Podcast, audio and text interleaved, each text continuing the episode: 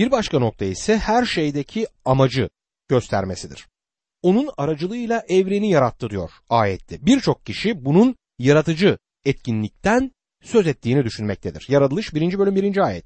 Başlangıçta Tanrı göğü ve yeri yarattı der.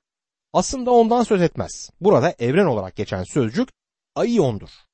Çağlar anlamına gelir. Aracılığıyla çağları yarattığı kendi oğluydu. Bu onun yaratıcı oluşunun da ötesine gitmektedir. Her şeye bir amaç verir. İsa gelecek bir programı veren bir mirasçıdır. Her şeye bir amaç vererek çağları o yaratmıştır. Sadece her şeyi yaratmakla kalmamış aynı zamanda bunu bir amaçtan ötürü yapmıştır. Kutsal kitap anlamlıdır. Tanrı'nın yaptığı şeyler için birer nedeni vardır ve bugün de yapmakta devam ettiği şeyler için nedenler kutsal kitapta bize verilir. Örneğin Tanrı insanı yaratmış ve onu bir bahçeye koymuştur. İnsanın orada yaşayabilmesi için bir tek şart koymuştur. İnsanın belirli bir ağacın meyvesinden yememesi gerekiyordu. Meyve kötü değildi. Bu Tanrı'nın insana itaat edip etmeyeceğini görmesi için bir sınavdı. Sorun ağaçtaki meyve değil, toprağın üzerinde yaşayan çiftti. İnsan o sırada Tanrı'nın sınavında kesinlikle ve açık bir şekilde başarısız oldu. Tanrı'nın her şey için bir programı ve amacı vardır. Sonra Tanrı'nın insanı sınadığı başka dönemlerde oldu. Tanrı'nın insana Musa'nın yasasını verdiği zaman geldi. Bu da yine insanın itaatinin bir sınanmasıydı. Bugün sizler ve ben lütuf altında yaşıyoruz. Lütuf aracılığıyla kurtulduk, yasa aracılığıyla asla kurtulamazdık. İlk olarak bu çağda bu yasa bize verilmedi. İkinci olarak da onu yerine getiremezdik. Tanrı'nın koymuş olduğu doğru standartlara erişemeyiz. Tanrı'nın bizleri iyi işlerimizle kurtarmayacağı herkes için çok açık olmalıdır. Tanrı bizleri kusursuz işlerle kurtaramaz çünkü bizler kusursuzluk üretemiyoruz. Bizleri kusursuz olmayan işlerle de kurtarmaz çünkü onun standardı bundan çok daha yüksektir. Bu yüzden Tanrı'nın başka bir yol açması gerekiyordu ve bugün bizler lütufla kurtulmuş bulunuyoruz. Rab İsa Mesih evrenin yaratıcısıdır ve bunun bir amacı vardır. Günümüzde evrenin sürücüsünü kaybetmiş bir araba gibi zaman ve mekanda bütün hızıyla gittiği gibi akılsızca bir düşünce yaygındır. İlginç olan şey bir araba sürücüsünü kaybettiğinde arabanın çarpıp mahvolduğudur. Ama bu evren bilim adamlarına göre bile milyonlarca yıldır işlemekte ve bu arada epey de iyi işlemektedir. Güneş her sabah belirli bir zamanda doğuyor. Ne zaman doğacağı gayet kesin olarak bilinmektedir. Ay tahmin edilebilir bir yörüngeden çıkmamaktadır. Ay modüllerinden birinde çalışan adamlardan birinin söylediği gibi. Bütün yapmaları gereken hedef almaktır ve modül oraya vardığında ay orada olacaktır. Ay'a her zaman güvenebilirsiniz. Alıp başına gitmez. Ay kendisine doğru gelen bir modül gördüğünde aksi istikamete yönlenmez. Ayın hareketleri kesinlikle önceden bilinebilir. Sizlerin ve benim için de yaşadığımız evren çılgın bir evren değildir. Bir amacı vardır ve ona amaç veren ise Rab İsa Mesih'tir. İbraniler mektubu Tanrı'nın kişiliğiyle ilgili bize pek çok bilgiyi aktarır. İbraniler 1. bölüm 3. ayet şöyle der. Oğul Tanrı yüceliğinin parıltısı, onun varlığının öz görünümüdür. Güçlü sözüyle her şeyi devam ettirir. Günahlardan arınmayı sağladıktan sonra yücelerde Ulu Tanrı'nın sağında oturdu. Burada harika bir bildiriyle karşı karşıyayız. Tanrı yüceliğinin parıltısı diyor. Parıltı başka şeyleri gölgede bırakır ve şaşılasıdır. Uzaydaki maddesel güneş buna iyi bir örnek. Hiçbir zaman güneşe bakarak onun görkemini göremiyoruz. Çünkü güneşe hiçbir zaman direkt olarak bakamayız. Eğer bunu yapmayı denersek bizi kör bile edebilir. Ama güneşin ışınlarından ışık ve ısı alıyoruz. Ve büyük bir olasılıkla sağlığımızın kaynağı da güneştir. Güneşi bu yollarla biliyoruz. Bir bakımdan buna benzer bir şekilde Tanrı hakkında da onun oğlunda bize verdiği vahiden başka bir şey bilmiyoruz. Rab İsa Mesih gördüğümüz parlaklıktır. Kimse Tanrı'yı görmemiştir ama onu İsa Mesih aracılığıyla tanıyabiliriz. Güneş ışınlarının sıcaklık ve ışıklarıyla bana fiziksel güneş hakkında bir şeyler söylediği gibi Rab İsa da bizlere Tanrı'yı tanıtmaktadır. Onun varlığının öz görünümüdür diyor. Öz görünümü sözü eski Yunanca'da karakter olarak kullanılır. Çeliğin üzerine bir oymanın yapılması gibi bir şeyin üzerinde etki bırakan karakterdir. Kullandığımız karakter sözcüğü buradan gelmektedir. Rab İsa Mesih Tanrı olduğu için onun Tanrı'nın vahyi olduğunu söylemekteyiz. O sadece basılmış bir yayın değildir. Tanrı'nın çeliğe oyulmuş bir halidir. Çünkü o tam bir kopyadır. Tanrı'nın görünümüdür. Elçi Paulus şöyle diyor. Koleseliler 2. bölüm 9. ayet. Çünkü Tanrılığın bütün doluluğu bedence Mesih'te bulunuyor. Mesih harikadır. Aynı zamanda her şeyi devam ettiren de Mesih'tir. Ayette söylediği gibi güçlü sözüyle her şeyi devam ettirir. Meryem'in göğsünde çaresiz bir şekilde yatan bebek bir tek sözüyle evrenin varlığına son verebilirdi. Her şeyi kudretli sözüyle devam ettirir. Her şeyi sözüyle yaratmakla kalmadı. Her şeyi bir arada tutan da odur.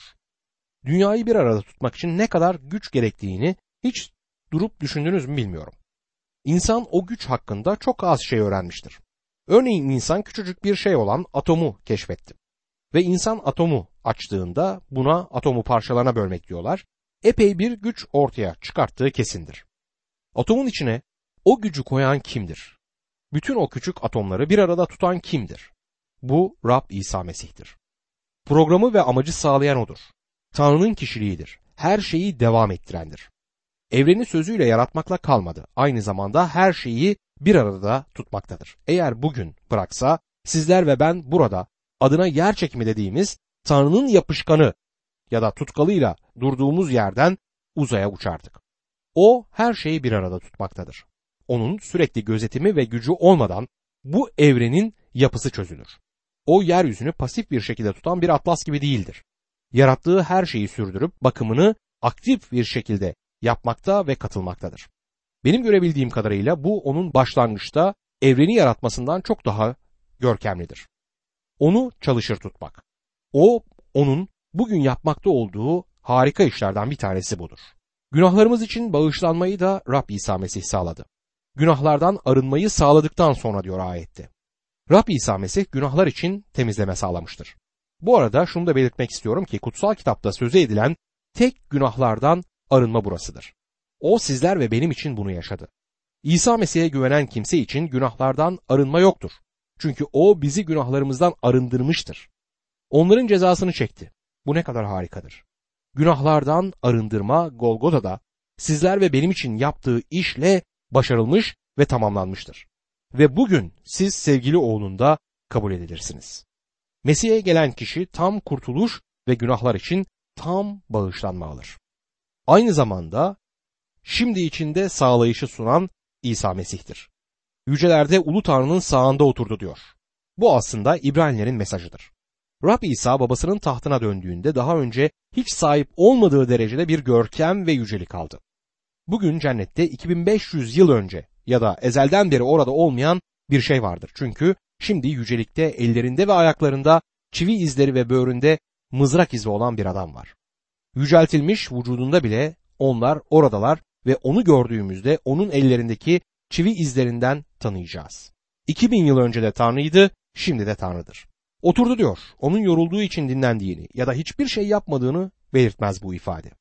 Bizi kurtarmayı bitirdiğinde kurtuluşumuz tamam olduğu için oturduğu anlamına gelir. Yaratılıştaki yedinci günde aynen bu anlamdaydı. Tanrı yedinci gün dinlendi. Yorulmuş muydu? Hayır. John Wesley'in söylediği gibi evreni yarattığında yarım yamalak bir çaba bile göstermemişti. İş tamamlanmış olduğu için dinlenmişti. Yapması gereken başka bir şey yoktu.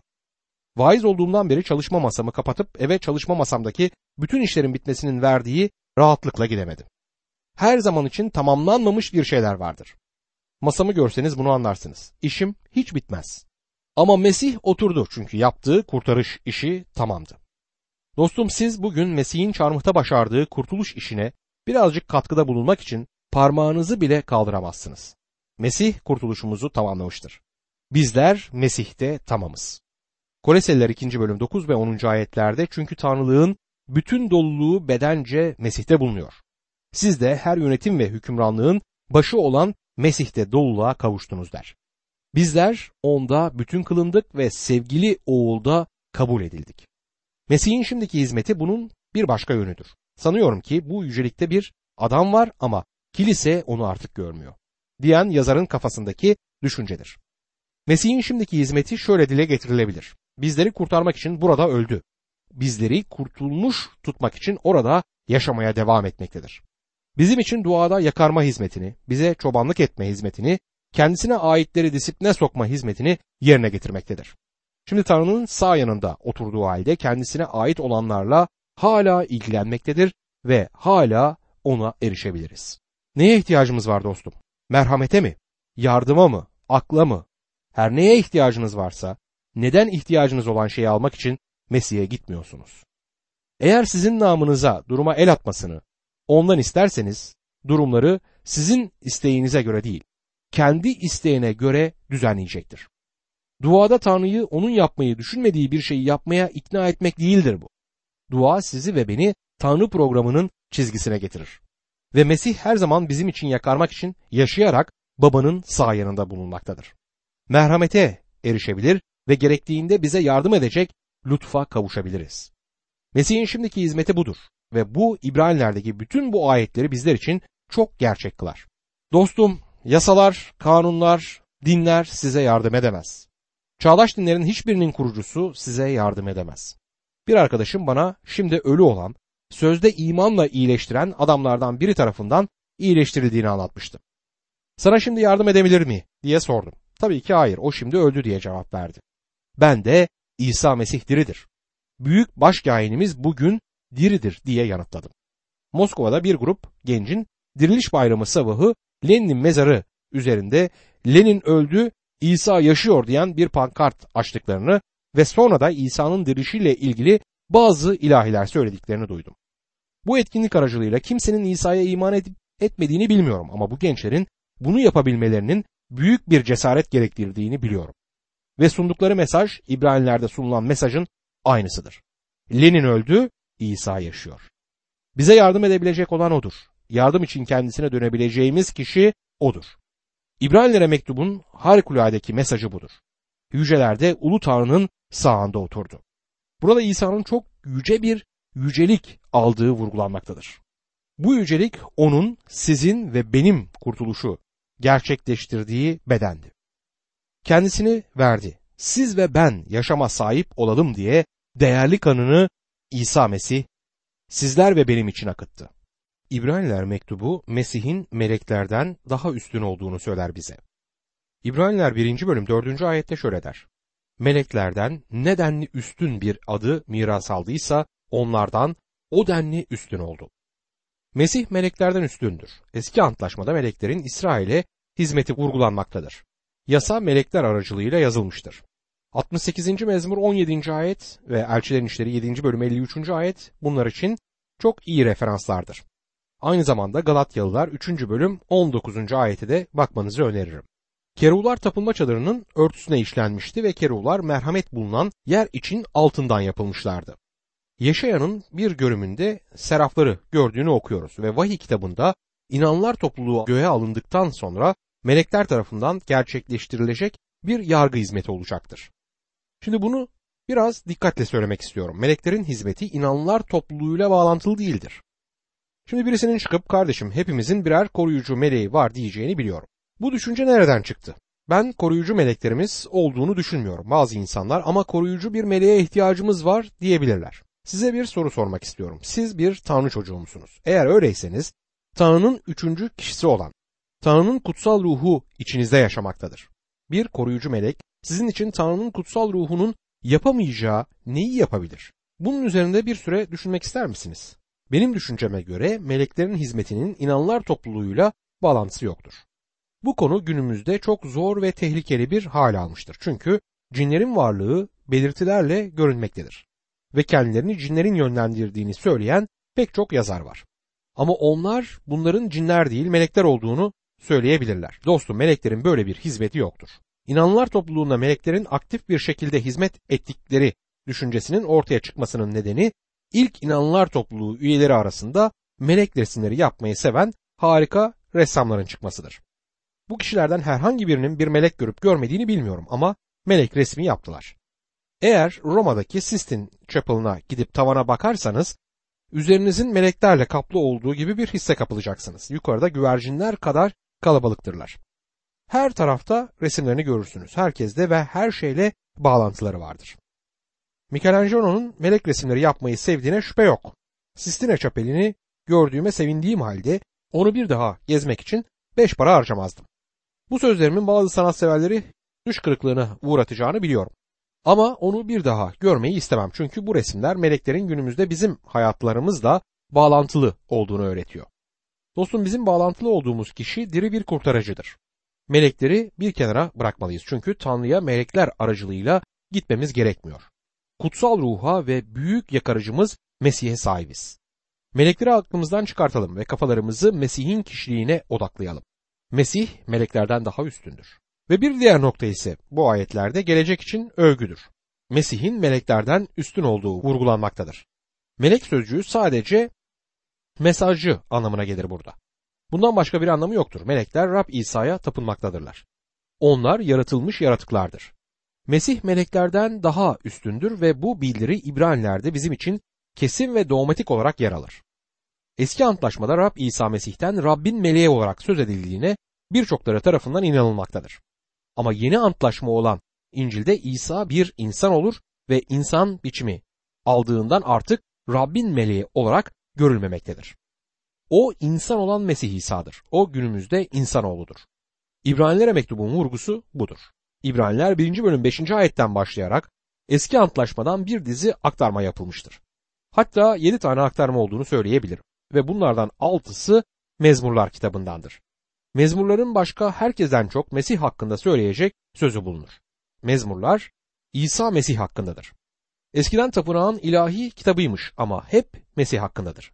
Ona övgüler sunan mezmurlarda Mesih'in müjdelerde sunulduğundan daha büyük bir resmine sahibiz. İbraniler'de aktarılan bu ayetler çok önemlidir. İbranilerin yazarı oğulun meleklerden üstünlüğünü vurgulamak için eski antlaşmadan aktarmalar yapar.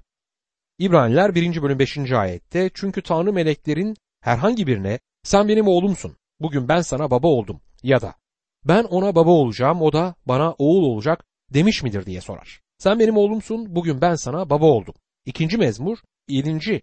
ayetten bir aktarmadır. Elçilerin işleri 13. bölümde Pavlus'un 2. mezmur 7. ayetten aktarma yaptığı Pisitya Antakya'sındaki büyük vaazını kaydetmiştik. Elçi burada Beytlehem'den hiç söz edilmediğini söylemiştir ama Mesih'in dirilişinden söz etmiştir. Bu yüzden Mesih dünyanın günahları için ölebilecek tek kişiydi. Bizi hiçbir melek dostum kurtaramaz. Sadece Mesih insan olup ölüm olan cezamızı ödeyebilirdi. Çünkü günahın ücreti ölümdür. Kanın akıtması gerekiyordu. Çünkü kan dökülmeden günahlar bağışlanmaz. Bu yüzden Mesih o kurtarışı sağlamıştır. Sonra ölümden dirildi. Neden mi? Çünkü o oğuldur. Ölümden geri alınmıştır. Ben ona baba olacağım. O bana oğul olacak. 2. Samuel'den alınmış bir aktarmadır. Bu Tanrı'nın Davut'la antlaşma yaptığında ona verdiği vaatti. 2. Samuel 7. bölüm 12 ila 14. ayetler arasında şöyle der. Sen ölüp atalarına kavuşunca senden sonra soyundan birini ortaya çıkarıp krallığını pekiştireceğim. Adıma bir tapınak kuracak olan odur. Ben de onun krallığının tahtını sonsuza dek sürdüreceğim. Ben ona baba olacağım. O da bana oğul olacak. Kötülük yapınca onu insanların değneğiyle, insanların vuruşlarıyla yola getireceğim. Davut'un soyundan gelen bu kişinin sadece Süleyman olduğunu söyleyenler var. İbraniler 1. bölüm 5. ayette Tanrı bu vaadi Davut'a verdiğinde bunun Rab İsa Mesih hakkında olduğunu çok açıkça gösterir. Bunun lehinde ve aleyhinde olan birçok tartışma dinledim ama kutsal kitap bunun Mesih hakkında olduğunu açık bir şekilde onayladığında bu tartışmalar bir işe yaramaz. Bu vaadi sadece Mesih gerçekleştirmiştir. İbraniler 1. bölüm 6. ayette yine Tanrı ilk doğanı dünyaya gönderirken diyor ki Tanrı'nın bütün melekleri ona tapınsın. Şimdi burada bir düzenleme yapmak istiyorum ve yine ilk doğanı dünyaya gönderiyor. Diyor ki Tanrı'nın bütün melekleri ona tapınsınlar. Bu ayet 97. mezmur 7. ayet ve Tesniye 32. bölüm 43. ayettendir. Tanrı'nın melekleri harikadır ama Mesih'ten daha alt bir konumdadırlar. Onlar Mesih İsa'nın melekleridir. Onun hizmetkarlarıdır ve ona tapınırlar. Melekler Mesih'e tapınmaktadırlar. Mesih onlara tapmaz. İbraniler 1. bölüm 7. ayette melekler için kendi meleklerini rüzgar, hizmetkarlarını ateş alevi yapar diyor. Bu da 104. mezmur 4. ayetten bir aktarmadır. Melekler Rabbe aittirler. Onlar onun hizmetkarlarıdır ve ona tapınırlar. Bunu anlamak önemlidir. İbranilerin yazarı ve ben onun Elçi Paulus olduğunu düşünüyorum. Mesih'in meleklerden üstün olduğunu gösterir ve bunu kanıtlamak için eski antlaşma ayetlerini kullanır. İbranilerin ilk iki bölümünün ne kadar önemli olduğunu görebiliyor musunuz? Mesih'in bugünkü inananlar için şimdiki işini ele alan bütün diğer kısımlar için bir temel oluşturmaktadır. Umarım şu anda Tanrı'nın sağ yanında diri bir Mesih olduğunu unutmuyoruz. O benden daha gerçektir çünkü sizler beni dinledikten kısa bir süre sonra belki de hayatta olmayacağım. Bugünün neler getireceğini bilmiyoruz. Ama Mesih orada. Tanrı'nın sağ yanında sizler ve benim için bulunmaktadır. O günümüzde gerçek ve diri Mesih'tir. Meleklerin İbraniler için önemli olmasının nedenini anlamak kolaydır. Çünkü İbranilerin çoğu eski antlaşmayı iyi bilirlerdi. Meleklerin Tanrı'nın tahtının hemen yanında olduğunu düşünüyorlardı. Meleklerin Tanrı'nın birçok hizmetkarına ve peygamberlerine göründüklerini de okumuşlardı. Sonuç olarak melekler onlar için çok önemli varlıklardı. Daha önce de bildirdiğim gibi meleklerin günümüzde inanlar topluluğuna hizmet ettiğine inanmıyorum. Meleklerin insanlara görünmelerine de inanmıyorum. Eğer bir melek gördüğünüze inanıyorsanız bir psikiyatristle görüşmenizde fayda var. Çünkü bu normal bir durum değil.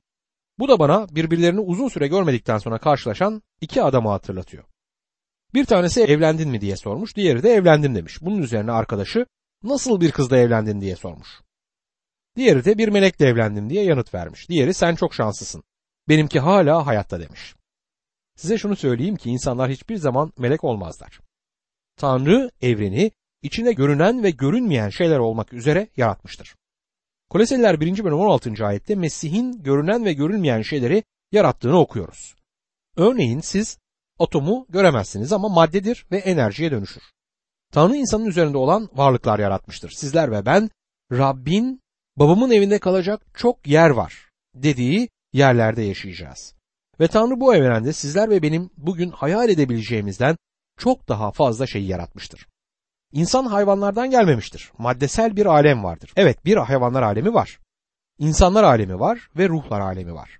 İnsandan aşağı düzeyde olan yaratıklar ve insandan yukarı düzeyde olan yaratıklar var. Hayvanlardan gelmedik ve hiçbir zamanda melek olmayacağız. Dünyada olmak istediğim en son şey bir melek olmaktı. Ve hala da öyle düşünüyorum. Kutsal kitap benim bir gün melek olmayacağımı çok açık bir şekilde bildirdiğinden ötürü de minnettarım. Melek sözcüğü agelos sözcüğüdür ve mesaj ileten anlamına gelir. Ve insansal ya da ilahi bir mesaj olabilir bu. Doğaüstü yaratıklar alemi vardır ve bunu kutsal kitapta okuyoruz. Evrendeki meleklerin sayısı hakkında herhangi bir fikrimiz olsa bunun bizi gerçekten şaşırtacağını düşünüyorum. Onlara göklerin orduları denir ve bu da onların çok sayıda olduğu anlamına gelmektedir. Belli ki sayıları azalmaz ya da artmaz ama kaç tane melek olduğu hakkında bir fikrimiz yok. Meleklerin Tanrı'nın planında önemli bir rolü vardır ama Mesih meleklerden üstündür diyor İbraniler kitabı bize.